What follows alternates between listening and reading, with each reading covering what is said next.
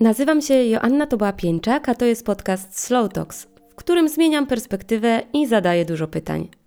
Znajdziesz tu solowe opowieści oraz rozmowy z gośćmi związane z odkrywaniem siebie, rozwojem biznesu, podróżami i takim codziennym życiem. Zapraszam Cię do obserwowania mojego kanału i wystawienia oceny w aplikacji Spotify albo na iTunes – a więcej treści ode mnie znajdziesz na portalu slowtalks.pl oraz na moim Instagramie joanna.tobola. W tym odcinku skupimy się na przyjemności i na obaleniu przekonań związanych głównie z kobiecą seksualnością. Przede wszystkim dlatego, że istnieje silne przekonanie, że u kobiet o tę przyjemność w seksie jest bardzo trudno i tylko nieliczne z nas mają szansę na doświadczenie orgazmu. Z drugiej strony, męska przyjemność postrzegana jest jako ta prosta i oczywista, a gdy tak nie jest, wydaje się, że to koniec świata. Tymczasem przecież wszyscy jesteśmy różni, z różnymi doświadczeniami i w różnych sytuacjach na tu i teraz. Ten i mam nadzieję wiele innych wątków dotyczących przyjemności, seksualności, mitów związanych z kobiecym orgazmem i przekonań dotyczących seksu poruszę w tej rozmowie z edukatorką seksualną Kasią Koczułap, Kasia jest autorką aplikacji do edukacji seksualnej, a na swoim Instagramie na co dzień pyta ludzi, co z tym seksem. Sama o sobie mówi, że seks to jej największa pasja i chce szerzyć ideę sekspozytywności. Robi to wszystko z misją, by życie seksualne nas wszystkich było lepsze. W dodatku mam wrażenie, że robi to bardzo skutecznie. Cześć Kasiu. Cześć, hej. Bardzo się cieszę, że zgodziłaś się na tą rozmowę, bo właśnie przed chwilą na backstage'u Ci wspomniałam, że ja sama mocno czerpię z Twoich treści i e, często mam rozkminy związane z tym, co Ty poruszasz u siebie na Instagramie. I pamiętam, jak kilka lat temu, mam wrażenie, że to było 5 lat temu? Cztery. Cztery, tak? 2019. Tak. Trafiłam na Twój profil na Instagramie, który dopiero raczkował i w grudniu, w czasie Adwentu, Ty pokazywałaś e, kalendarz adwentowy, kalendarz, seks kalendarz. I ja sobie o tym myślę, że te pięć, e, te cztery lata temu to było coś całkiem nowego. Mam wrażenie, że mogło to być w jakiś sposób kontrowersyjne. I chciałam właśnie zacząć od tego, co to był za projekt, skąd w ogóle on, e, pomysł na niego się u Ciebie wziął i co to Ci pokazało? No, Kurczę, minęło 4 lata, już ciężko uwierzyć.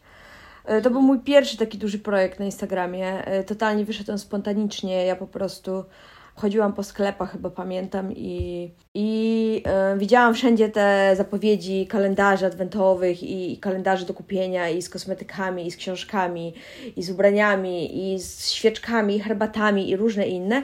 I tak po prostu mi wpadł do głowy pomysł, że kurczę, to jest fajny jakby koncept, żeby go wykorzystać w kontekście seksu, tak? Właśnie, żeby e, przez te e, 24 dni dawać ludziom jakby jakieś małe zadania albo jakieś takie wyzwania, czy, czy pytania do przemyślenia te, w tym temacie.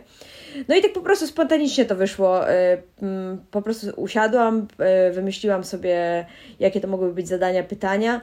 Y, I, i pamiętam wtedy jeszcze mieszkałam w Polsce i sobie zrobiłam ten kalendarz taki, że po prostu mogłam go zrobić tak wizualnie, tak fizycznie, że po mhm. prostu moja ciocia jest krawcową, uszyła mi takie torebeczki E, w których mogłam po prostu chować, chować e, papierki z opisanymi zadaniami.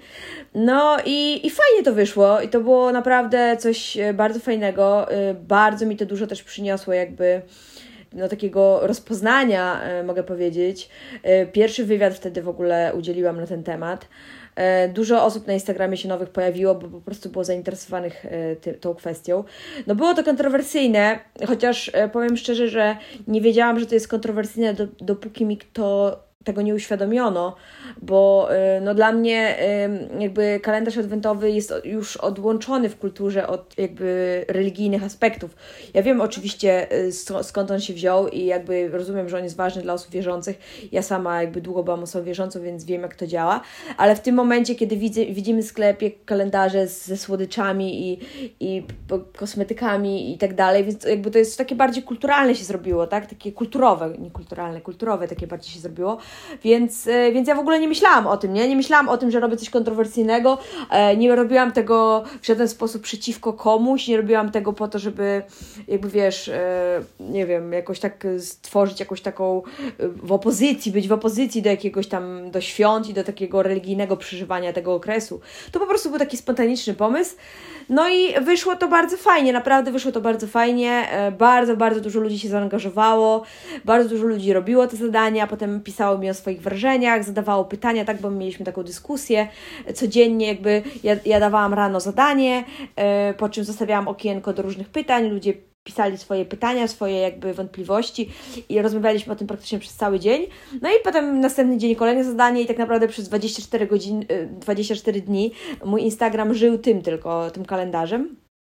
E, no i pokazał mi przede wszystkim to, że ludzie chcą, że chcą jakby się rozwijać seksualnie, chcą e, e, czegoś nowego spróbować od czasu do czasu, że po prostu potrzebują może takiego trochę nie wiem, czy jak to nazwać, może przewodnika albo takiej osoby, która po prostu im jakby przygotuje jakby jakieś takie właśnie, wiesz, zadania, czy przygotuje im jakieś rzeczy do przemyślenia kogoś, coś, za czym mogą podążać, e, że po prostu jest taka chęć i jest taka potrzeba, że po prostu jest bardzo trudno e, e, samemu zacząć. Jest bardzo wielu osobom trudno ten rozwój seksualny jakby rozpocząć samodzielnie, więc potrzebują czegoś, co ich tak jakby daje im ten taki impuls do działania, tak? I wydaje mi się, że właśnie ten kalendarz mój był, był tym. Ja tak sobie myślę, że to po prostu było takie otworzenie drzwi zaproszenie takiego świata i tak jak powiedziałaś, taki trochę przewodnik, takie trochę wskazanie na te aspekty, którym można się przyjrzeć, którym warto się, którymi warto się zainteresować, bo ja tak sobie myślę, że wokół przyjemności czy wokół po prostu seksualności jest bardzo dużo przekonań.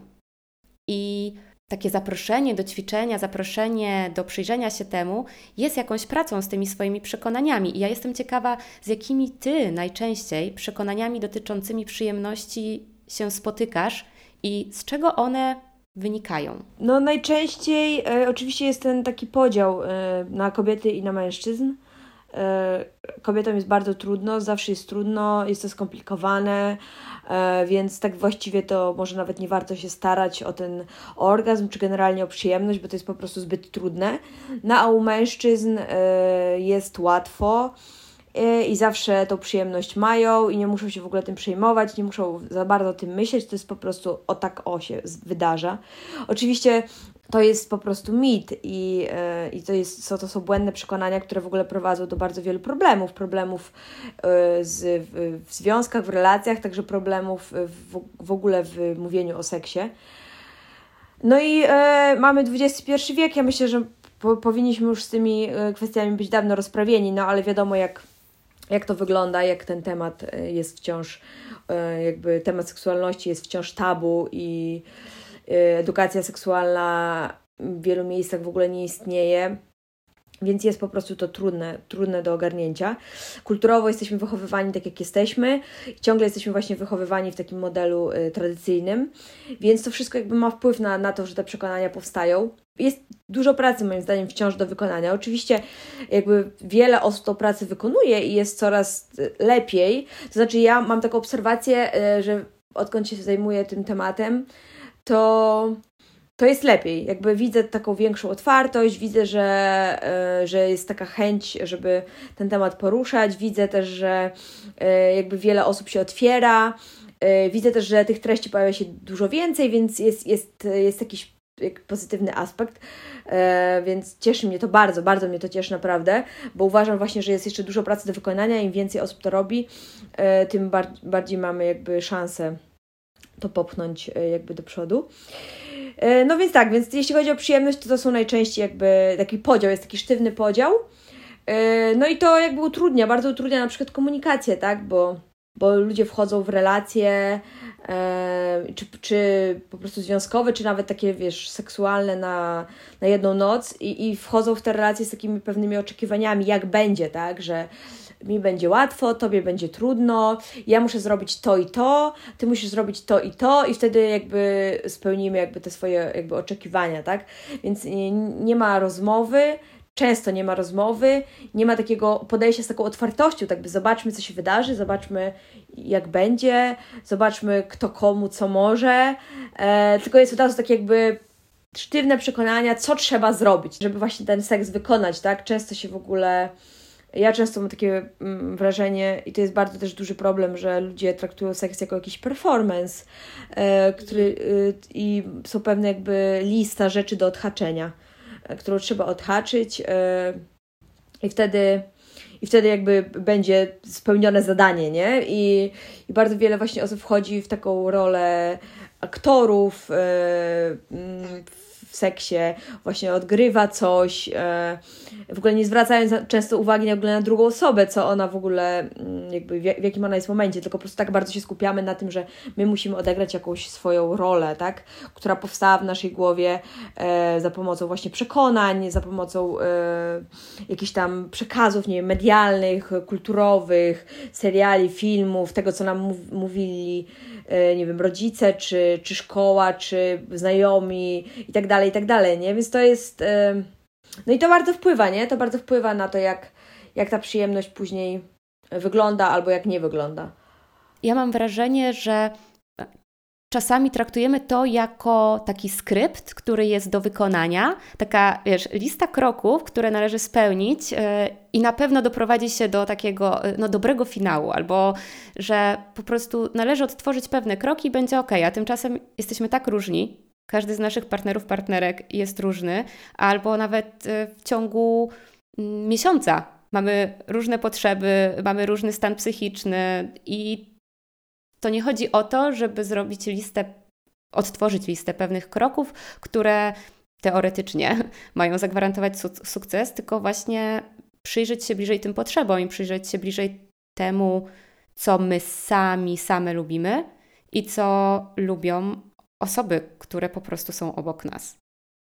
Dokładnie i też yy, zwraca, zwróciłam uwagę na to słowo sukces właśnie. Co znaczy też sukces? Tak. E, w seksie, e, e, bo też to kolejny jest mit, że mm, sukces to zawsze orgazm.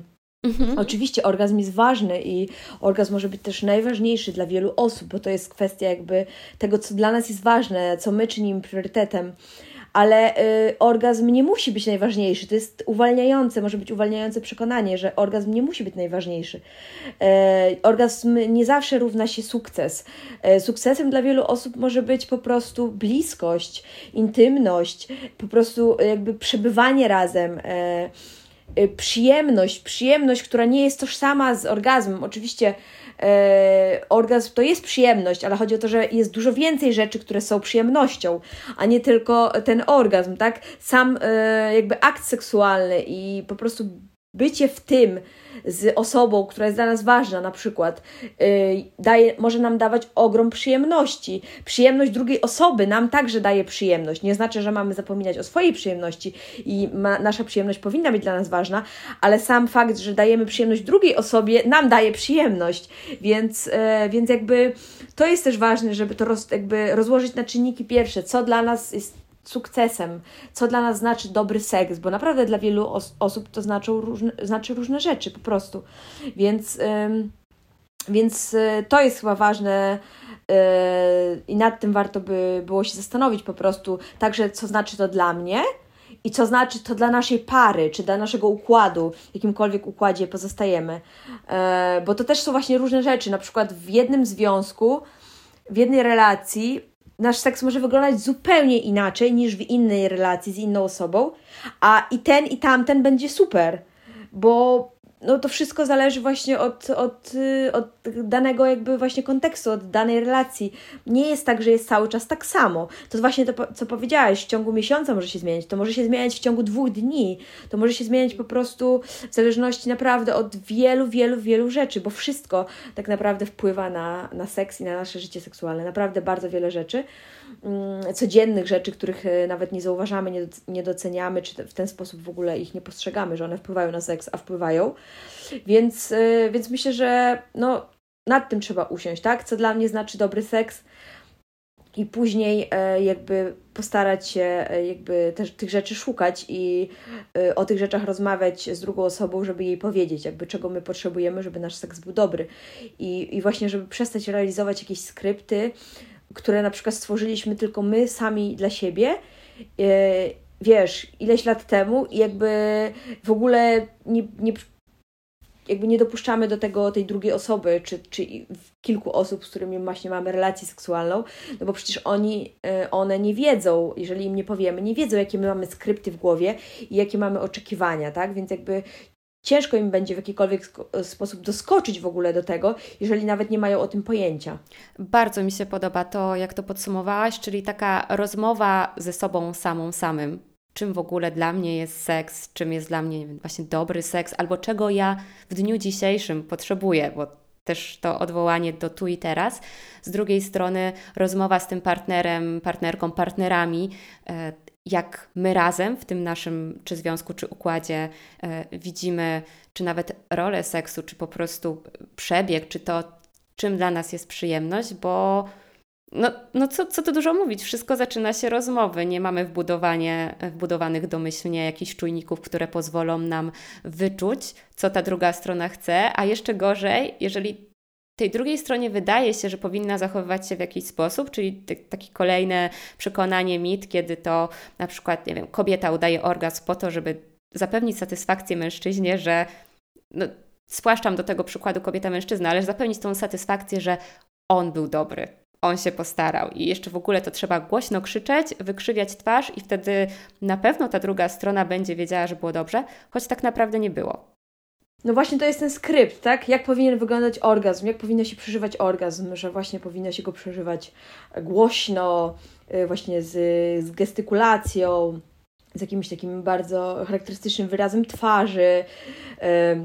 No oczywiście to są pewne skrypty, które my, my wzięliśmy właśnie z, z mediów, z filmów, seriali, e, z właśnie, nie wiem, z, z, z, porno też, więc i tak nam się wydaje, że tak to powinno wyglądać, tak? Więc, e, więc wiele osób to robi, wiele osób to robi wbrew sobie, mimo że nie chce tego robić, mimo że nie czuje tego, mimo że czuje e, właśnie, że czuje, że to jest udawane albo że to jest gra i że nawet kiedy jest orgazm i kiedy mm, osoba ma orgazm, przeżywa orgazm, to wciąż dodaje do tego jakieś takie elementy, których wcale nie chce, ale wydaje jej się, że powinny one się znaleźć e, w tym przeżywaniu orgazmu, tak? A przecież e, orgazm, przyjemność e, przeżywamy różnie, każdy inaczej. Są orgazmy ciche, są orgazmy głośne, są orgazmy, które trudno jakby poznać, że druga, drugiej osobie może być trudno zauważyć, a my, my to przeżywamy, ale po prostu jest to takie niezauważalne jakby w ciele. Więc naprawdę to różnie może wyglądać i e, dobrze sobie dać pozwolenie na to, żeby e, to wyglądało różnie i żeby nasz seks wyglądał różnie. Y, żeby był raz taki, raz taki, e, żeby dać sobie pozwolenie na to, że on nie musi być idealny, bo nie ma czegoś takiego jak idealny seks. Y, dobry seks jest po prostu różny dla różnych osób. Więc jakby takie uwolnienie właśnie siebie od tego mm, odgrywania tych skryptów i uwolnienie siebie od tej otoczki jakby perfekcyjnego seksu. Tylko, tylko po prostu sobie pozwolić na to, żeby ten seks był różny. Czasem taki, czasem taki. E, nie każdy jakby akt seksualny będzie E, wiesz, e, satysfakcjonujący, nie każdy będzie mm, taki, jakbyśmy chcieli, żeby był. E, zdarzają się różne niezręczne sytuacje, zdarzają się różne sytuacje jakiegoś takiego, mm, jakichś takich emocji, które jakoś puszczają w nas, w ciele, pojawia się, mm, pojawiają się łzy, pojawia się po prostu chęć, żeby przestać, tak? Pojawia się po prostu y, ten moment, kiedy, kiedy już mówimy, że nie, że mimo, że chcieliśmy, mimo, że zaczęliśmy, to jednak się wycofujemy i to jest jak najbardziej okej, okay, mamy do tego prawo w każdym momencie, bo różne po prostu rzeczy się dzieją, y, różne emocje się pojawiają y, i to jest wszystko okej, okay, tak? Jakby nasz seks to po prostu jest różny i, i fajnie właśnie to zaakceptować. Myślę, że to daje dużo wolność, tak? Żeby żeby e, jakby uwolnić się właśnie od, od tych wszystkich jakbyś takich bardzo e, takich e, sztywnych przekonań, które, no, które, z którymi się po prostu już przestajemy utożsamiać po pewnym czasie. Ja tak sobie myślę na taką moją drogę odkrywania tej seksualności, rozumienia bardziej swoich potrzeb, że moje wyobrażenie na temat tego, czym jest dla mnie seks, to jest taki, taki moment uwolnienia, tak jakbym na chwilę przeniosła się, wiesz, do innej rzeczywistości, w której mm, nie ma ograniczeń, w której y, ja decyduję o sobie i jest to akceptowalne i przeze mnie, i przez mojego partnera, y, w której po prostu mogę być tak niczego nie kontrolować. W sensie ja doszłam dla siebie do takiego wniosku i to tak naprawdę pozwoliło mi na fajne dla mnie przeżywanie tego. Czy to jest zakończone orgazmem, czy nie, to też nie ma znaczenia. W sensie, dobra, źle powiedziałam. Może nie tyle, że nie ma znaczenia, ale że to nie jest zawsze jednoznaczne z orgazmem, ale po prostu przez wyzbycie się, tak jak mówimy, tych skryptów, czy myślenia o tym, w jaki sposób ja w danym momencie powinnam zareagować, albo jak ja powinnam zareagować podczas orgazmu, ten moment staje się takim momentem właśnie wolności, takiej stuprocentowej wolności. Jestem w tym momencie akurat, nie mówię, że to jest jakiś e, przepis na sukces albo e, sposób na to, jak to przeżywać, ale dla mnie to jest taka fantastycznie uwalniająca chwila. Myślę, że to jest e, to jest coś, do, do czego warto dążyć, tak? Wydaje mi się, że wydaje mi się, że to jest właśnie jakby uwolnienie się od tego jakby właśnie odgrywania ról, tak? Tego i też takiej obserwacji jakby siebie z, e, z jakby z, z boku. Bo to właśnie ty, o, to, o czym ty powiedziałeś, czyli ty jesteś, pozbawi pozbawiasz się jakby kontroli i e, jesteś tu i teraz i po prostu przeżywasz tą sytuację, jaka ona jest, bierzesz to E, I to jest właśnie coś, myślę, do czego warto dążyć, przynajmniej spróbować, czy to będzie coś dla nas, dlatego że e, bardzo. Mm, jakby bardzo trudne może się okazać, e, myślę, że jest bardzo trudne dla wielu osób, bycie w tej roli, jakby odgrywania jakiejś roli i do tego obserwowania siebie z boku. To jest coś, o czym ja mm, jest temat, który ja często poruszam, właśnie, żeby spróbować jakby przestać być obserwatorem własnego seksu. E, czyli... Obserwatorem i oceniaczem, tak, tak, e, dokładnie, mhm. tak, e, bo, bo po prostu to jest, to jest coś, co wiele osób robi, tak, czyli po prostu jakby patrzy na swój, na swój seks z boku. Mi się wydaje, że pierwszy raz o tym mówiła Emilii Nagoski w, w książce Ona ma siłę. Tak mi się wydaje, że tam się pojawił jako pierwszy ten właśnie, ta właśnie ta koncepcja bycia obserwatorem swojego seksu. Yy, kiedy my patrzymy i patrzymy, czy my wyglądamy dobrze, czy my y, robimy to, co trzeba, czy, nasza, czy nasze zachowanie jest takie, jakie powinno być, czyli tak jakby, wiesz, stoimy nad sobą i jakby oceniamy się, kontrolujemy się, patrzymy, czy nam tam widać fałdki, co partner, partnerka może o nas pomyśleć w danym momencie. I to bardzo często odbiera radość seksu i odbiera przyjemność też, bo...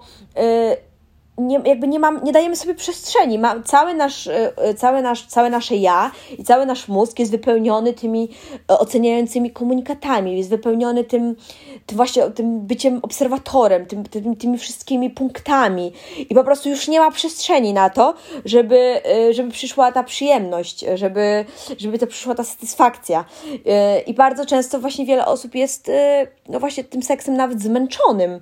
I wyobrażam sobie, że totalnie tak może być, dlatego że jeżeli spędzamy właśnie akt seksualny na takim zamęczaniu siebie po prostu ocenami, no to no to po prostu kończy się na tym, że seks jest, mało satysfakcjonujący i sprawia, że jesteśmy nim zmęczeni i często też może sprawić, że nam się już nie chce, yy, nie chce nam się po prostu go uprawiać i nie chce nam się yy, podchodzić do kolejnego razu, bo po prostu już wiemy, że to będzie nam mm, będzie dla nas bardzo trudne, tak, doświadczenie właśnie pełne zmęczenia i pełne tych oceniających rozkmin, tak, i wiele osób po prostu rezygnuje nawet z seksu, bo no nie umie wyjść z, tego, z tej roli obserwatora, więc, y, a ten seks w roli obserwatora im się nie podoba, tak, e, więc po prostu z niego rezygnują. I też wiele osób nie wie, że jest w tej roli obserwatora, tak, jakby czasami usłyszenie tego, że w ogóle tak można podchodzić do seksu, dopiero niektórym osobom uświadamia, że o, to o mnie, o ja tak robię, jakby nie, jeżeli sobie to uświadomimy,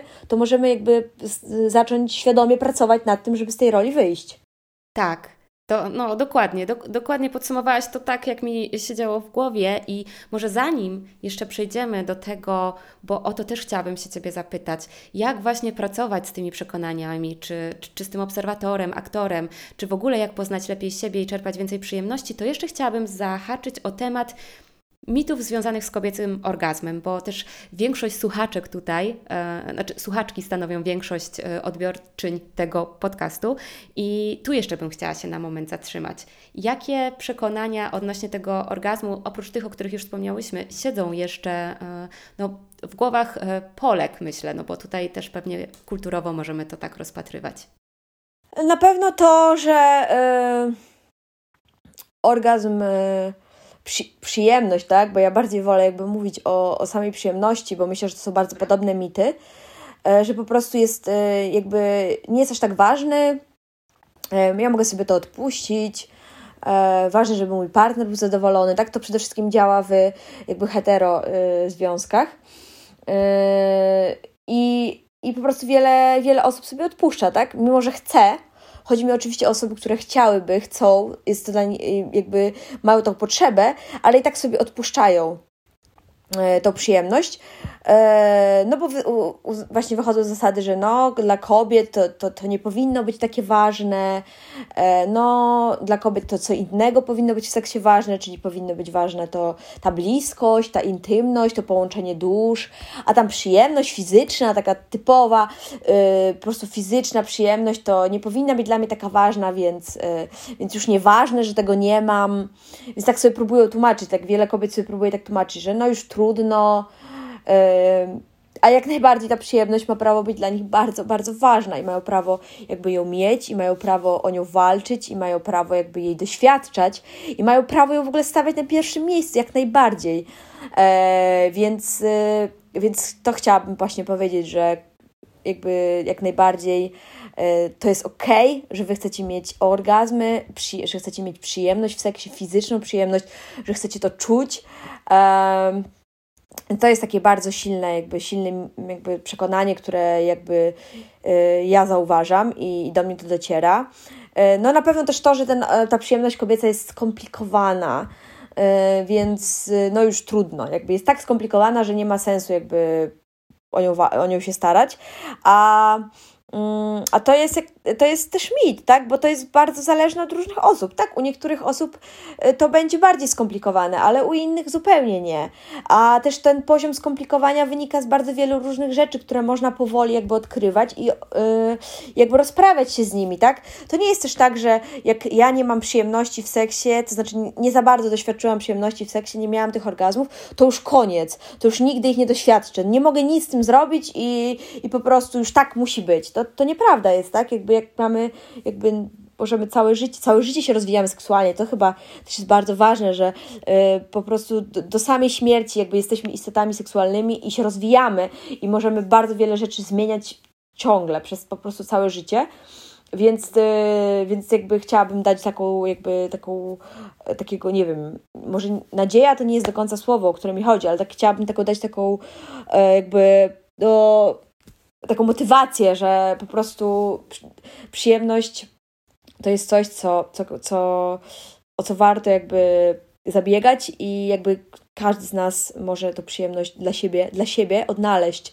E, I to może być różne jak najbardziej, ale jakby e, to jest w porządku, że do tego dążymy i tego chcemy, tak? Jakby nasza przyjemność kobiet, przyjemność nie powinna być jakby gdzieś zdegradowana do jakiegoś ostatniego miejsca, e, bo, bo seks to nie jest tylko doświadczenie duchowe, tylko to jest doświadczenie fizyczne, to jest doświadczenie naszych ciał. Przypominam, że. Chemia. Tak, i, i, jakby mamy po prostu narządy, które nam to, na to przyjemność dają, tak? I to jest po prostu bardzo fizyczne doświadczenie, więc e, jest okej okay do tego dążyć, jest okej okay tego, tego chcieć, tak? Ja wiem, że to mówię to już trzeci raz, ale jakby ważne jest to dla mnie, dlatego, że bardzo często się właśnie spotykam z takim, e, takim właśnie oderwaniem seksu od, w, w przypadku kobiet głównie, oderwaniem seksu od e, e, jakby duchowej części seksu i tej takiej fizycznej, cielesnej części seksu.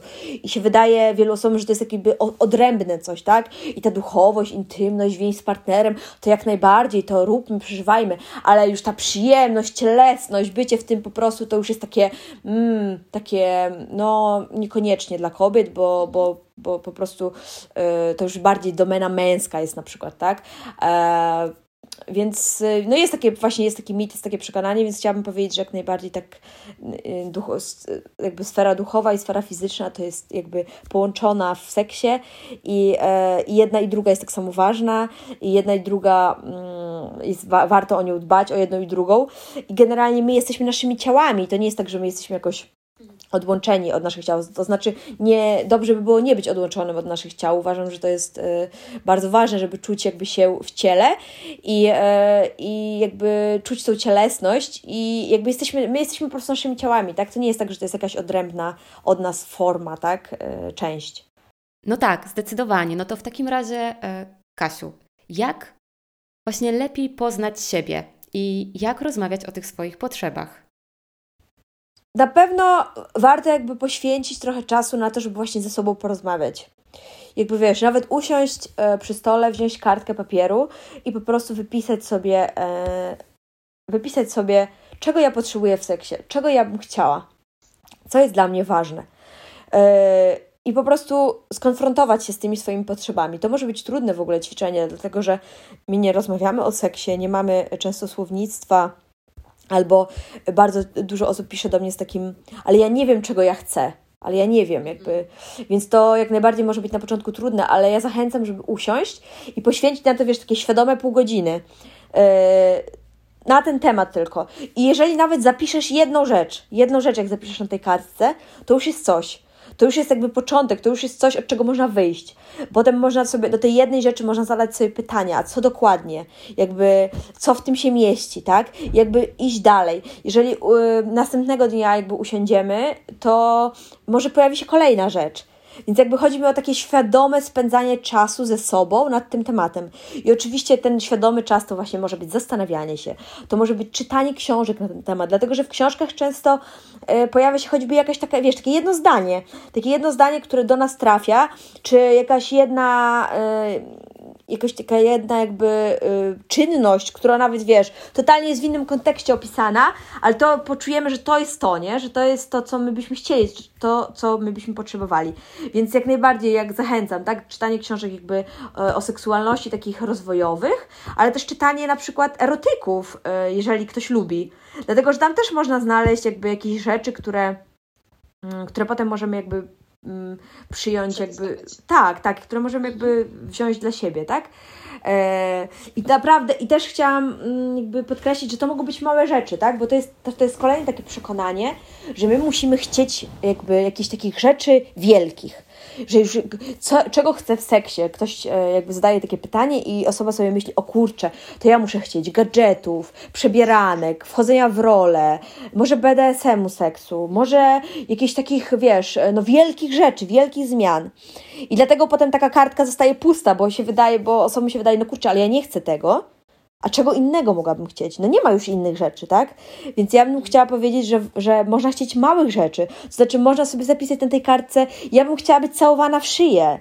E, ja bym chciała, żeby no, druga osoba mówiła do mnie określone na przykład słowa.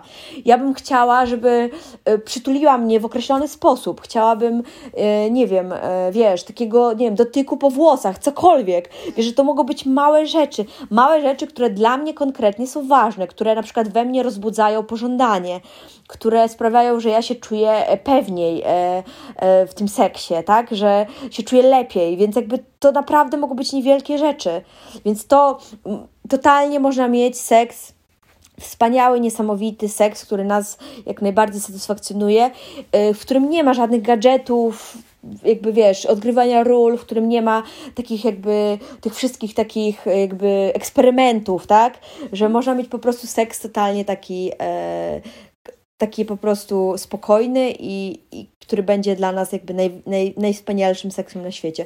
I co więcej, też dajmy sobie e, przestrzeń na zmianę. Dzisiaj, teraz, w tym momencie ja chcę tego, ale za jakiś czas może mi się zmienić, to jest okej. Okay z tym partnerem jest tak, ale z następnym partnerem, no, czegoś innego bym chciała, tak? Bo ten inny partner wzbudza we mnie jakby inne trochę emocje, jakby, yy, no, jakby inaczej się z nim czuję na przykład w łóżku, więc chciałabym czegoś innego spróbować i to jest jak najbardziej okej. Okay. Więc zadawać sobie te pytania, zadawać sobie te pytania, konfrontować się, pytać po prostu siebie, spędzać ze sobą ten czas, dlatego że ty, nasza seksualność, każdy ma swoją seksualność i ona jest jakby naszą odpowiedzialnością.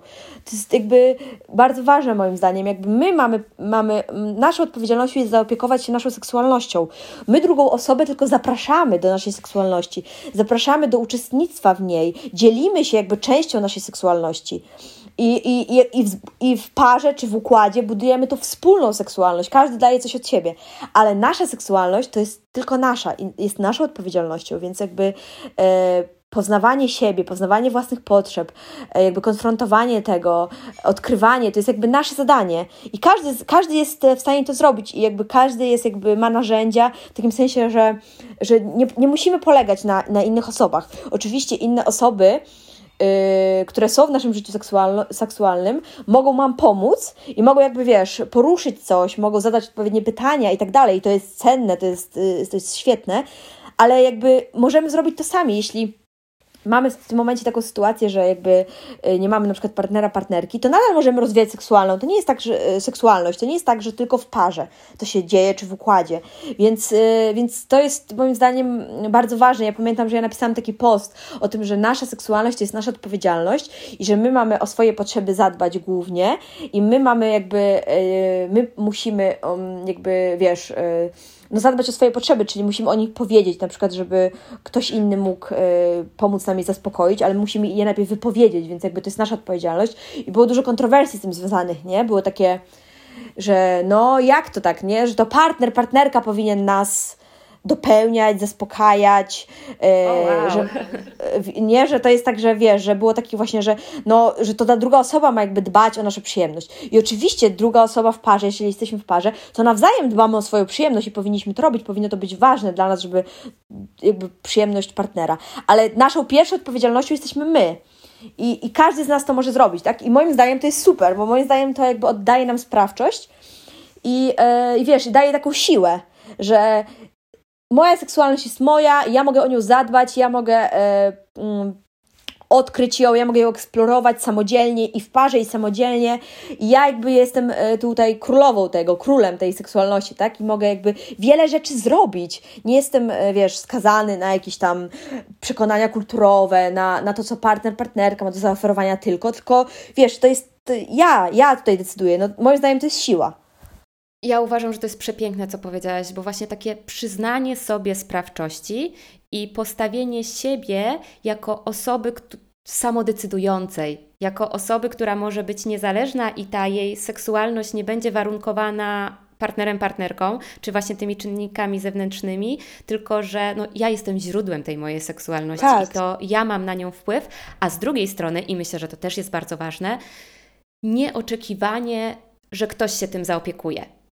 Bo wydaje mi się, że z tego też się rodzą problemy, że pojawiają się oczekiwania względem partnera, partnerki, e, że to oni wezmą sprawy w swoje ręce, wezmą inicjatywę i to oni zaopiekują się nami.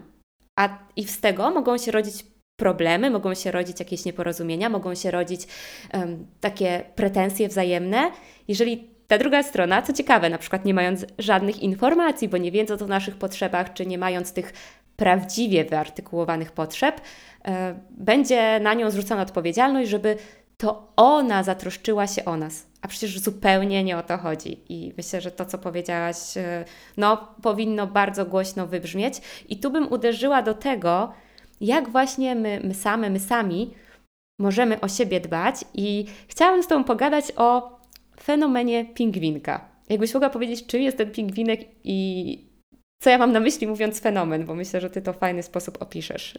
Jasne, tylko jeszcze odniosę się do, jednego, do jednej rzeczy, Proszę. którą powiedziałaś, bo e, chcę, żeby też to wybrzmiało, że my mamy jakby jak najbardziej, to jest okej, okay, jakby oczekiwać e, troski i opieki e, partnera, partnerki, też w, w aspekcie seksualności, tylko chodzi o to, żeby tego chcieć. Wiesz, że, mm, że tak, tak, tak. my, żeby chodzi, bardziej mi chodzi o to, że my jakby jesteśmy już jakby ze sobą za, za, zaopiekowani sa, sami sobą i dodatkowo partner, partnerka jakby y, może zaopiekować się naszymi potrzebami, może się zatroszczyć o nasze potrzeby, tak? Ale że to wynika jakby z chęci, z chęci po prostu y, właśnie z tego zaproszenia do tej seksualności, tak? Że nie z, z rzucenia cał, całkowicie stuprocentowej odpowiedzialności, tak, tylko jakby z chęci chodź dołącz do mnie. Ja już tak, tutaj tak, mam tak coś zrobić, nie? Że to jest jakby ważne, nie? Bo, bo jak najbardziej e, no, w parze, w związku normalne jest to, że potrzebujemy siebie nawzajem i, i potrzebujemy, żeby partner, partnerka jakby dbała też o nasze potrzeby seksualne. Okej, okay, a wracając e, do pingwinka, no to jest ciekawa w ogóle sytuacja, bo pingwinek się pojawił na moim Instagramie dawno temu. E, to była moja prywatna zabawka mm, którą ja, której ja już używałam od jakiegoś czasu i po prostu któregoś razu y, zaczęło się więcej pytań o gadżety erotyczne, czy jakieś mam, czy, czy mogę coś polecić i tak dalej. To było naprawdę dawno. I e, no ja postanowiłam pokazać to, co mam, a nie miałam zbyt wiele, bo ja generalnie jestem taką użytkowniczką zwykłą gadżetów. E, nie jestem jakby zawodową testerką, nie zajmuję się tym. E, oczywiście mam teraz cykl polecajek na Instagramie gadżetowych, ale to są po prostu jakby moje jakby prywatne e, oceny z perspektywy użytkowniczki gadżetów erotycznych. Więc, e, więc wtedy postanowiłam pokazać tego pingwinka. No, pingwinek oczywiście przyciągnął uwagę, dlatego że wygląd tego, tego gadżetu jest unikalny, tak? Więc jakby od razu przyciąga uwagę. No i bardzo wiele osób zaczęło e, pytać o niego, dopytywać. E, no i też wiele osób kupiło, tak? I potem zaczęłam dostawać te wiadomości, zachwycone wiadomości, dlatego że pingwin jest gadżetem jakby masażerem bezotykowym, więc jakby mm, ten typ masażerów jakby wszedł na rynek jakiś czas temu i e, jest całkiem, jest to różne, do, ma to różne doznania od takich klasycznych wibratorów, tak? A klasyczne wibratory jakby na rynku są bardzo, bardzo wiele lat, no więc pingwinek był, pingwinek, e, chodzi mi o typ gadżetu, nie? Bo nie tylko pingwinek tak, jest takim tak, gadżetem, tak. ale typ gadżetu był inny, więc bardzo wiele osób jak go spróbowało, to bardzo im się to spodobało i jakby było to dużo lepsze dla nich, dużo większe wrażenia im to dawało niż po prostu klasyczny, klasyczne wibracje. No i jak ba bardzo dużo osób do mnie tego pingwinka kupiło i bardzo wiele osób do mnie zaczęło pisać, że jest super, więc ja zaczęłam te wiadomości pokazywać, więc coraz więcej osób zaczęło kupować pingwinka, no bo było bardzo dużo zachwyconych osób. I jeszcze więcej osób zaczęło go kupować i jeszcze więcej wiadomości przez to miałam, tak? U mnie jakby zaczęły, zaczęło się więcej osób pojawiać na profilu, po prostu zaczęło więcej osób go obserwować, więc jakby kolejne osoby nowe się dowiadywały o pingwinku, po czym pisały wiadomości, ja je publikowałam od czasu do czasu, tak? Nigdy nie publikowałam wszystkich wiadomości na temat pingwinka, były ich tysiące, więc, yy, więc wiesz jak to działo, taka kula śnieżna, tak? A potem zauważyłam, że osoby sobie polecają pingwinka niezależnie ode mnie. E, jak wiesz, wchodziłam na jakieś grupy totalnie przypadkowe grupy i nagle widzę, że ludzie sobie polecają pingwinka, nie? Że jakiś coś tam wibrator, albo że ktoś tam pyta właśnie jak, jakąś swoją przyjemność poszukać jej, jak ją odblokować i ludzie w komentarzach, o kup pingwinka, spróbuj z pingwinkiem, spróbuj z masturbacją, tak? I właśnie pingwinkiem. No i właśnie to, i stał się taki, taki fenomen tego pingwinka, tak? Ja też mam takie informacje, że pingwinek jest w Polsce e, najlepiej sprzedającym się gadżetem od Satisfiera, a nigdzie indziej nie jest tak. E, Satisfyer e, kiedyś robił event, event w Polsce, ja nawet byłam na niego zaproszona, ale mnie nie było w Polsce wtedy. E, I właśnie chcieli na tym evencie był taki, tak, tak, miała być taka rozmowa, dlaczego ten w Polsce ten pingwinek, bo e, po prostu za, grani za granicą oni sprzedają inne masażery bezdotykowe, które się dużo lepiej sprzedają i które są dużo bardziej popularniejsze, a w Polsce ten pingwinek, tak? Więc y, ja mam, no nie wiem, jakby ja y, nie będę sobie przy przypisywać e, tylko sobie zasług, bo, e, no bo jakby nie, to jest to niemierzalne, ale uważam, że miałam jakąś tam taką cegiełkę, dołożyłam sporą do tego pingwinka akurat, tak? Bo moje konto jakby było jednym z pierwszych kont, które e, pokazywało w ogóle gadżety i chodzi mi o konta nie, nie będące sklepami z gadżetami, tylko właśnie takie konta edukacyjne, które pokaz zaczęły pokazywać gadżety. I to, to, ten pingwinek był jako pierwszy, tak, więc jakby to i potem ta fala jakby, jakby ruszyła, więc mam tu taką cegiełkę e, do, do, do tego pingwina i do tej pory ludzie mi wysyłają różne zdjęcia pingwinów i wiesz, memy z pingwinami generalnie jestem taką, ambasad- śmieją się, że jestem ambasadorką pingwinka i e, wiesz, że się ludziom kojarzy z pingwinkiem, nie? Co ja uważam, że jest super, nie? E, było bardzo dużo negatywnych komentarzy na ten temat dostawałam, że wiesz, że kojarzy się z gadżetem erotycznym, że to wstyd i, i w ogóle coś mhm. strasznego być, powinnam się wstydzić, nie? A ja jestem zachwycona tym po prostu, bo, bo też uważam, że gadżety erotyczne mają, mogą mieć bardzo dobry wpływ w ogóle na e, jakby poszukiwanie, eksplorowanie seksualności. Gadżety erotyczne nie są dla każdego, e, nie u każdego się sprawdzą, e, nie każdy ich potrzebuje, ale jakby one mogą być tym takim impulsem, tak, do działania, do, do eksploracji, mogą jakby przenieść masturbację na inny poziom, mogą sprawić, że my w, y, jakby y, właśnie odnajdziemy tą przyjemność, odnajdziemy orgazm na przykład, bo też wiele osób pisało, że dzięki pingwinowi e, jakby pobudziło swoje ciało w ogóle do, do takiej mhm. przyjemności i potem im było łatwiej e, poza, jakby nie, poza kontekstem gadżetów tą przyjemność znowu odnaleźć, tak? Więc to jest, e, no jest, to jest super, tak? Więc jakby te gadżety erotyczne w Polsce od tych kilku lat widzę, że są coraz bardziej popularne i też coraz mniej jakby wstydu mm, rozmowa o nich obejmuje. Tak. Coraz też więcej jakby osób z penisami, e, też do gadżetów. E, ma podejście i jakby próbuje, testuje, e, bo też, też, też zawsze, też był ten mit taki, nie, że no gadżety erotyczne no to, to bardziej dla kobiet, bardziej właśnie dla osób z cipkami, e, tak, te dilda, może jakieś tam masażery łechtaczki, ale no dla penisów, no to jak to gadżety? No w ogóle też ten kontekst taki, że no jak to trzeba potrzebować gadżetu, nie? No to, to już coś jest nie to, tak. tak. Tak, to po pierwsze, a po drugie, że no, że w ogóle to jest niepotrzebne, po co to i tak dalej, ale te gadżety e, właśnie e, dla mężczyzn, właśnie dla osób z penisami, jak najbardziej mogą też im służyć i mogą też jakby dawać im inną przyjemność, tak? To jest właśnie to, że my mamy różne rodzaje przyjemności, nie? To też jest ten, ta, ta, ta, ta odwieczna walka, mm, śmieję się trochę tego słowa walka, ale też duże wiadomości było, dużo niezrozumienia, że masturbacja i seks partnerski na przykład, nie?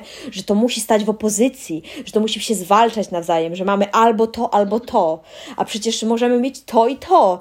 Jedno i drugie spełnia różne potrzeby. E, jedno i drugie nam jest potrzebne potrzebne do różnych rzeczy. I jedno i drugie jest nam potrzebne jakby w różnych momentach życia, tak? To jest to, co, o czym mówiłyśmy wcześniej, o tym jakby opiek y, przejmowaniu jakby kontroli nad swoją seksualnością. I to też jest na przykład to, że masturbacja to jest też ten ten taki, wiesz... Czas ta... ze sobą. Tak, tak. I też ta, ta opieka nad sobą. Tak, I to zatroszczenie się o siebie, tak? I właśnie to, że jeżeli na przykład nasz partner, partnerka nie ma ochoty na seks e, w, w, danym momencie, w danym momencie, a my mamy, mamy ochotę po prostu na przyjemność, no to możemy sobie się, możemy po prostu zadbać o to sami właśnie dzięki masturbacji na przykład, tak? Więc to jest właśnie to, jakby przejmujemy odpowiedzialność, bierzemy odpowiedzialność. I e, masturbacja e, po prostu jest, może być częścią naszej seksualności. Też ona nie jest każdemu potrzebna i nie każdy chce się masturbować, to jest jak najbardziej okej, okay. nie ma w tym nic złego, nic dziwnego. Może e, ludzie się różnie też umawiają w, jakby w relacji, jakby gdzie są ich granice jakby związane z seksualnością i to też jest okej, okay. ale, mm, ale to jakby można mieć i to, i to, nie? I można mieć seks mhm. partnerski, można mieć masturbację, tak? Więc można mieć gadżety i, i można mieć seks bez gadżetów. Można mieć też gadżety w parze, w, właśnie w, w seksie partnerskim, używać ich i można ich używać w masturbacji, albo można ich w ogóle nie używać. Wiesz, że to nie, to nie jest walka, to nie jest, y, że to może być to i to, nie? Tylko, że możemy korzystać po prostu ze wszystkiego. Mi się wydaje, że taką puentą y, y, tej całej rozkminy jest to, że fajnie zweryfikować, co jest dla nas, co w jakich sytuacjach się sprawdza, fajnie transparentnie rozmawiać z partnerem, partnerką, czym jest dla mnie ten gadżet erotyczny yy, i że to właśnie nie stoi w opozycji do tej wspólnej relacji seksualnej, bo ja jak sobie myślę i ja mam e, Satisfiera Pro, czyli to jest powiedzmy coś podobnego do pingwinka i jakby my mieliśmy z moim mężem taką rozmowę, że po prostu hej, to jest jakaś rzecz, której chciałabym spróbować, zobaczyć, możemy też spróbować używać tego razem, potestujmy, no ale w żadnym wypadku to nie stoi w opozycji do y, przyjemności razem z nim. I jakby w tej naszej otwartości związku to wręcz było takie jasne dla nas, że coś testujemy, że, że wchodzimy na jakiś nowy obszar, który chcemy zobaczyć i jak to się sprawdzi. I ja zupełnie inaczej czas z gadżetem yy, traktuję właśnie jako taki czas dla siebie. Ja to nazywam self-carem, że po prostu czasami ja potrzebuję zostać tylko z moimi myślami i tylko skupić się na sobie. I to jest Dokładnie. też inny rodzaj przyjemności. Ja już tą przyjemność odczuwam inaczej niż kiedy jestem w, mm, z moim partnerem. Więc e, mhm. chcesz coś powiedzieć, proszę. E, tak, bo to właśnie chodzi o to, o to skupienie się e, jakby na swojej przyjemności, tylko na sobie, nie? To jest takie uwalniające, że. Tak ten moment, kiedy ja tylko o siebie dbam. Jestem, taką, e, jestem tutaj egoistyczna. Bo w seksie partnerskim właśnie dbamy o siebie nawzajem, tak? Robimy to. I to jest wspaniałe, piękne i, i daje dużo przyjemności, ale od czasu do czasu też możemy tylko na sobie się skupić. A żeby się skupić tylko na sobie, no to najłatwiej to zrobić w czasie masturbacji. Oczywiście można to też robić, można też robić takie eksperymenty w parze, że umawiać się, nie? Że na przykład dzisiaj seks jest bardziej o mnie. Y, dzisiaj się skupimy bardziej na mnie, a dzisiaj jest, a następnego dnia będzie tylko o tobie, tak? Jakby ja będę tylko taką osobą, która tobie daje przyjemność i tylko będę robiła, co to ty chcesz. E, żeby sprawdzić, jak nam będzie z tym, a potem się wymienimy, nie? To też jest super, bo bo jak najbardziej można to robić, tak? Właśnie to yy, też w parze. Ale właśnie ta, ta masturbacja może być taka wyjątkowa, bo ona jest taka totalnie oddzielona yy, i totalnie jest tylko dla nas i może być łatwiejsza na początku, wiesz? Chodzi yy, ta nauka yy, przejmowania odpowiedzialności za swoją przyjemność może właśnie zacząć się przy masturbacji, dlatego że no łatwiej jest skupić się tylko na sobie, jeśli tego partnera obok nie ma. nauczyć się tego, jak to zrobić, żeby myśleć o sobie, o swojej przyjemności. I potem ta nauka może, możemy ją przenieść do, sek do seksu partnerskiego, może być nam łatwiej mówić, czego chcemy, no bo już w masturbacji wypróbowaliśmy, czego chcemy, e, tak, może być nam łatwiej się skupić od czas, e, w seksie przez jakiś czas, przez chwilę na sobie, dlatego, że już wiemy, jak to robić, bo już to przetestowaliśmy, tak, więc jakby, mm, no uważam, że, że ten czas właśnie w masturbacji, czy z gadżetem, czy bez, może być bardzo wartościowy też dla rozwoju relacji. Tak, i w takim e, zobaczeniu jakichś swoich rzeczy i może wyzbyciu się tej chęci bycia tą obserwatorką, obserwatorem i odgrywania tych ról, no bo w sumie jesteśmy sami, więc może warto to porzucić tak, wiesz, sama przed sobą się odsłonić. I ja tak jeszcze chciałam e, odbić trochę do tego pingwinka z, taką, z takim moim przemyśleniem, bo też jak Ty o tym powiedziałaś, ja się zastanawiałam, mm, też jak obserwowałam właśnie dużo poleceń u Ciebie na profilu i, i tych e, relacji kobiet, potem jak się znajdowałam w takich kobiecych kręgach, nie wiem, na przykład podczas Panińskiego, czy podczas jakichś spotkań kobiet, kiedy gdzieś tam pojawia się ta przestrzeń, żeby wejść na ten temat, bo myślę, że jednak wciąż i to hasło padło, yy, że gdzieś tam jest jakiś wstyd trochę, że to jest jakiś wstydliwy temat, albo tabu, albo taki intymny, yy, wiesz, o tym, co już na kolację możesz porozmawiać, ale o tym, w taki sposób się masturbujesz, to już hmm, chyba może nie bardzo wypada tak po prostu o tym wypalać, ale taką obserwację poczyniłam, że słowo masturbacja dla wielu do wymówienia jest takie trudne, że ono już jest nacechowane tym wstydem, jakimś strachem, e, tym tabu, e, że mm, w ogóle masturbowanie przez tą naszą kulturę, przez e, to, w jaki sposób Kościół na to patrzy, jak byliśmy wychowywani, będąc wychowywani w, przez jakąś tam myśl Kościoła, że to jest też coś złego, i e, coś dziwnego może, że, że właśnie obarczonego tego wstydem. A nagle pojawia się niewinny gadżet, który równie dobrze mógłby stać na półce, który, Dokładnie. tak jak powiedziałaś, e, e, wygląda, wygląda ok, że w sensie wy, wygląda zachęcająco i nagle mm, w jakiś sposób go tak personifikujemy, że wiesz, że, że to nie jest wibrator, z mhm. którego jak ktoś otworzy Twoją szafkę nocną, to będzie ten moment zawstydzenia, tylko to jest taki przyjaciel. I ja mam wrażenie, że to też było w jakiś, i może, że właśnie on jest mm, bezdotykowy, że, że to nie jest, że ja tak bezpośrednio sobie e, tą przyjemność sprawiam, tylko jest coś pomiędzy.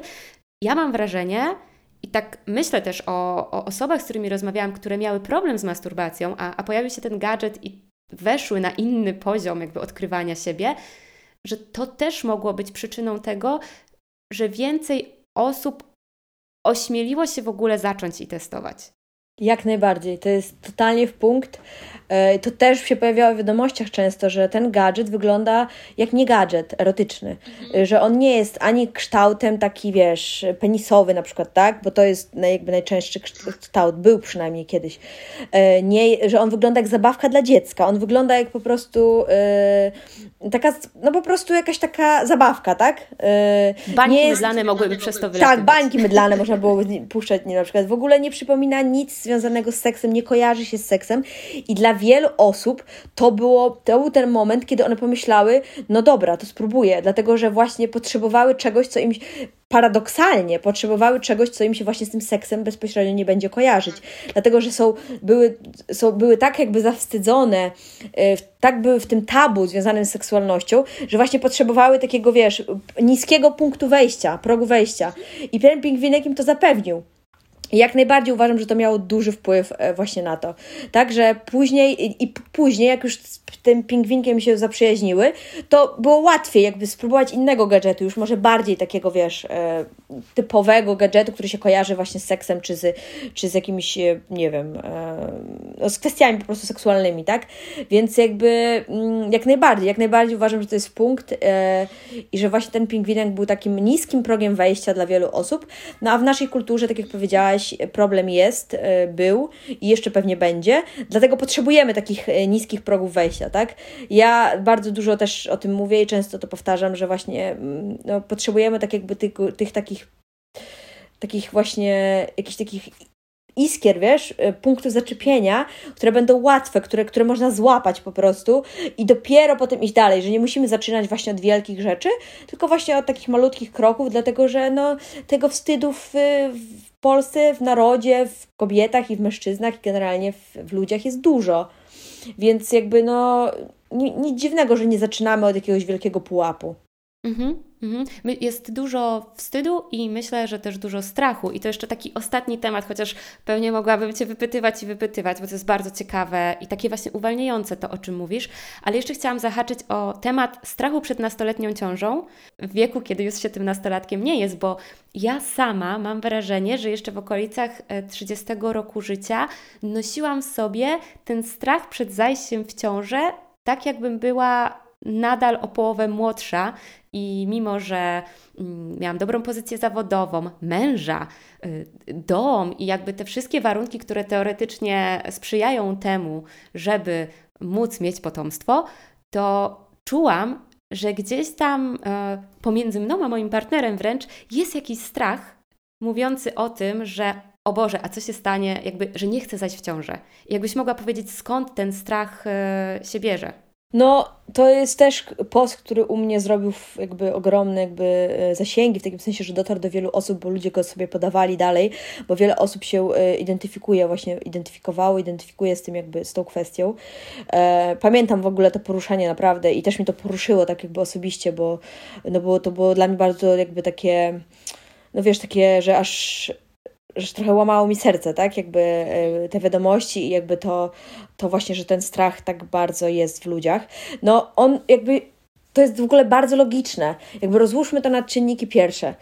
Jeżeli, kiedy głównie dziewczynach, u chłopaków też to się zdarza, ale głównie u dziewczyn i u osób, które mogą zajść w ciążę, e, kiedy się wchodzi się w ten nastoletni wiek, to te osoby słyszą tylko nie zajść w ciążę to jest taki przekaz bezpośredni i pośredni.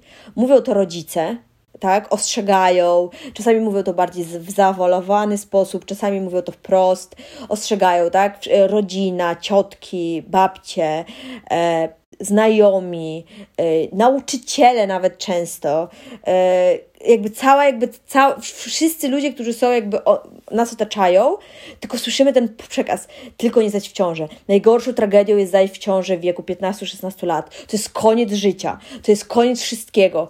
Zniszczy cię to. Tylko nie zajść w ciążę. Pamiętaj, nie zajść w ciążę. Jakby i przez te kilka lat, nastoletnich lat, taka osoba słyszy to ciągle i po prostu sobie koduje sobie, wiąże sobie, że ciąża koniec życia, ciąża najgorsza rzecz, która się nam może przydarzyć ciąża to jest po prostu nic gorszego nas nie spotka. I po prostu i ten lęk się, wiesz, on się tak jakby świetnie się usadawia w nas. I on latami się jakby karmiony jest, po prostu jest dokarmiany po prostu, wiesz, przez wszystkich naokoło. No i jak już te, on rośnie, rośnie, rośnie, pęcznieje. I potem Wyobraź sobie, że taka osoba przekracza 20 rok życia, ma tam 22, 23, potem zbliża się do 25 roku życia, czyli pojawia się ten moment, kiedy już można, jakby według norm społecznych, zajść w ciążę e, bez problemu, w sensie, że to jest ok, to jest dobry wiek, to jest ten moment, to jest faj, fajny w ogóle moment. I zaczyna, i za, jakby, jakby yy, ten, ta strzała społeczeństwa, społeczna się odwraca. Nagle wszyscy mówią, no, gdzie dziecko? Powinnaś już być w ciąży, to jest dobry moment, zajdź w ciążę, jakby my chcemy dziecko, czemu, kiedy dzieci, kiedy dzieci, kiedy dzieci? No i, i, i pomyśl sobie, w jaki sposób ludzie oczekują, społeczeństwo oczekuje, że ten lęk, tak świetnie, pięknie dokarmiany przez lata, nagle ma po prostu zniknąć. Takie jest oczekiwanie, że on po prostu zniknie, że przyjdzie ten wiek, granica jest postawiona i od tego wieku ty się już nie boisz. Ty wszystkie te przekonania, że ta ciąża najgorsze, co możecie, najgorsze, co możecie spotkać, zniszczyć jej życie, nagle masz ją po prostu przyjąć, mieć, bo, bo to jest ten wiek. No to jest nierealne oczekiwanie, to jest niemożliwe. Oczywiście są takie osoby, które, dla którym to jakoś tak łatwo przyjdzie, ale dla bardzo, bardzo wielu osób, co właśnie pokazał ten post i te komentarze i te setki, tysiące wiadomości, że to nie jest możliwe dla większości osób tak przeskoczyć, przełączyć ten przełącznik, że ten lęk, którym tak długo byliśmy karmieni, on zostaje w nas i on musi jakoś zostać przerobiony, on musi jakoś zostać zaakceptowany, on musi zostać jakoś rozłożony na czynniki pierwsze, żeby on zniknął i żebyśmy mogli e, w tą ciążę zajść, jeśli chcemy e, w nią zajść, tak? Bo wiele osób też chce zajść w ciążę i na przykład e, boi się, w takim sensie ten lęk jakby blokuje ich przed, przed, przed, przed zajściem w ciążę, tak? Więc jakby musimy wykonać pracę, żeby ten lęk tak świetnie podsycany i podkarmiony, jakby jakoś go no wiesz, przerobić, nie? Czy to się dzieje na terapii, czy to się dzieje w jakichś rozmowach, e, czy to się dzieje w jakiejś pracy własnej, tak? Każdy ma jakby swoją metodę, ale po prostu oczekiwanie, że ta nastolatka karmiona tym lękiem po prostu w pewnym wieku przełączy jej się na ciążę i super ciąża, dziecko, wszystko, bez problemu, no jest nierealne, jest nierealistyczne. I pomyśl sobie, to jest generalnie logiczne, jak ja to mówię, uważam, że to jest bardzo tak, logiczne, nie? Mhm.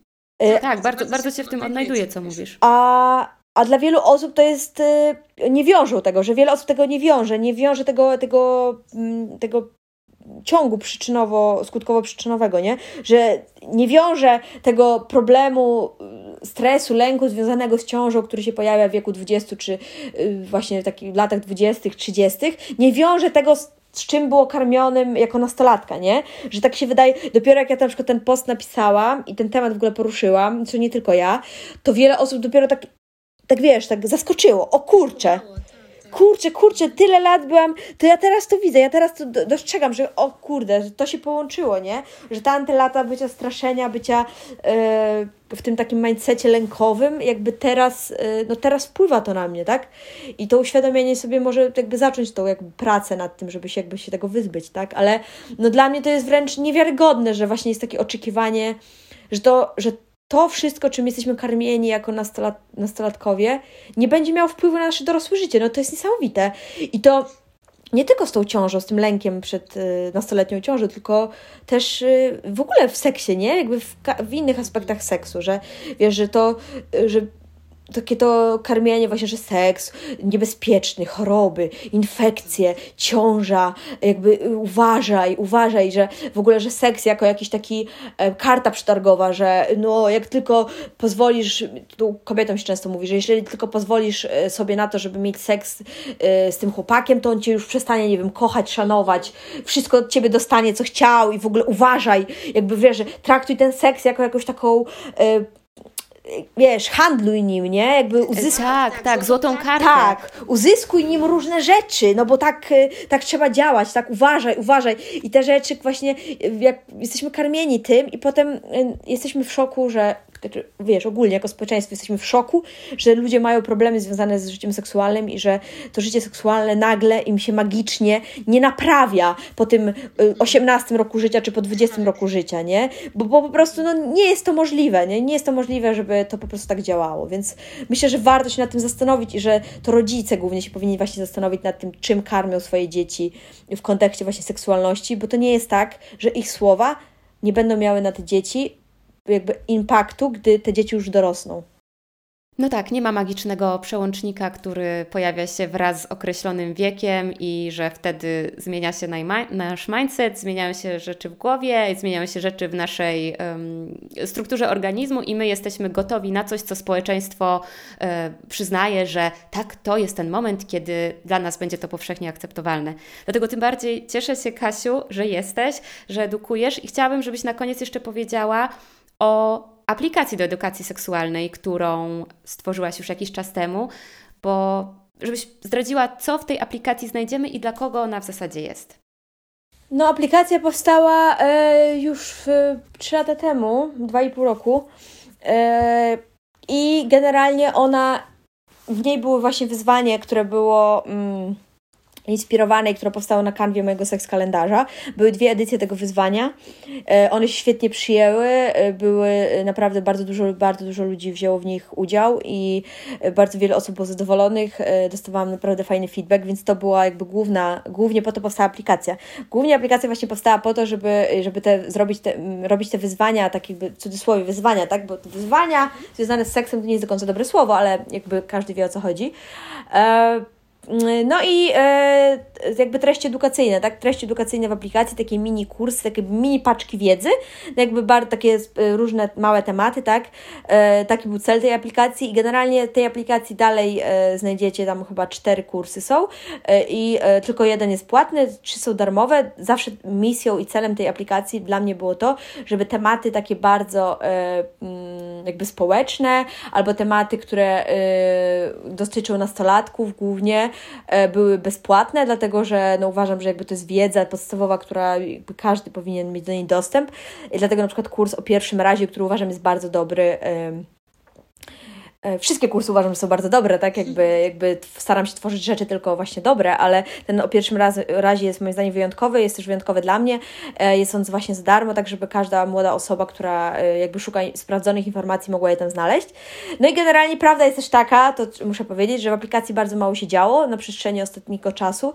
To było związane jakby z moim prywatnym życiem, jakby moimi problemami zdrowotnymi, ale dobra wiadomość jest taka, że aplikacja odżyje, jest jakby jakby są czynione jakby intensywne prace nad tym, żeby aplikacja jakby wróciła na, na pełnej jakby wiesz, e, w pełnej intensywności, e, tak żeby pojawiały się regularnie w niej treści, nowe treści, kursy, żeby pojawiały się regularnie te mm, jakby e, takie jakby wyzwania w cudzysłowie mm, na różne tematy. Będziemy odkrywać, mam nadzieję, różne rzeczy. W pierwszej kolejności prawdopodobnie będzie to masturbacja i lub e, orgazm, przyjemność, więc mamy czyli takie tematy moim zdaniem bardzo ważne e, i o które bardzo wiele osób prosi, więc mam nadzieję, że razem będziemy, że po prostu będę jakby znów mogła pełnić rolę takiej trochę osoby, która właśnie wprowadza, e, wprowadza właśnie w ten świat i jakby podpowiada, co można zrobić i jak to zrobić, żeby, żeby e, mieć fajniejszy seks i, i więcej przyjemności. Więc mam nadzieję, że to wszystko się uda. Jakby nic nie obiecuję, dlatego że życie jest życiem i ja już obiecywałam wcześniej, a po prostu różne rzeczy się zdarzyły i niestety wyszło jak wyszło, ale mam nadzieję, że jeszcze w tym roku będziemy się cieszyć, e, ja będę się cieszyć z tego, że aplikacja właśnie ruszyła i że mm, będzie znowu mogła być pomocna dla wielu osób. Super, to ja trzymam kciuki i link do aplikacji zostawię w opisie odcinka, żeby każdy mógł sobie zajrzeć, co tam przygotowałaś. I na koniec tak, i ważne to, że aplikacja jest e, za darmo, w sensie do pobrania. Każdy może ją pobrać. Płatne rzeczy, e, teraz jest tylko jeden płatny kurs, ale generalnie płatne rzeczy są tylko w środku, tak? Tylko każdy może sobie pobrać i zobaczyć. Czego byś życzyła nam wszystkim, aby to nasze życie seksualne stawało się lepsze? Życzyłabym y, rozmowy, jak najwięcej rozmowy i komunikacji. E, myślę, że pora już się z tym, e, ten mit, że o seksie się nie rozmawia, tylko go się uprawia, pożegnać, zakopać gdzieś, bo on jest po prostu bardzo szkodliwy, e, nieprawdziwy i zacznijmy wszyscy więcej o tym seksie rozmawiać, rozmawiać między sobą, rozmawiać z partnerem, partnerką, osobą partnerską i, i moim zdaniem to jest klucz po prostu y, szczera komunikacja, szczera rozmowa y, jest kluczem do tego, żeby po prostu nasze życie seksualne stało się lepsze. Bardzo Ci dziękuję za, tą, za to życzenie. Ja też tego nam wszystkim życzę i za całą Twoją wiedzę i podejście, które przekazałaś nam wszystkim w tym odcinku. Bardzo dziękuję. Bardzo dziękuję. Dziękuję też za zaproszenie. Cieszę się, że mogłam być gościnią w Twoim podcaście i, i mam nadzieję, że, że to, o czym rozmawiałyśmy, okaże się pomocne dla kogoś. Tak, zdecydowanie. Dzięki.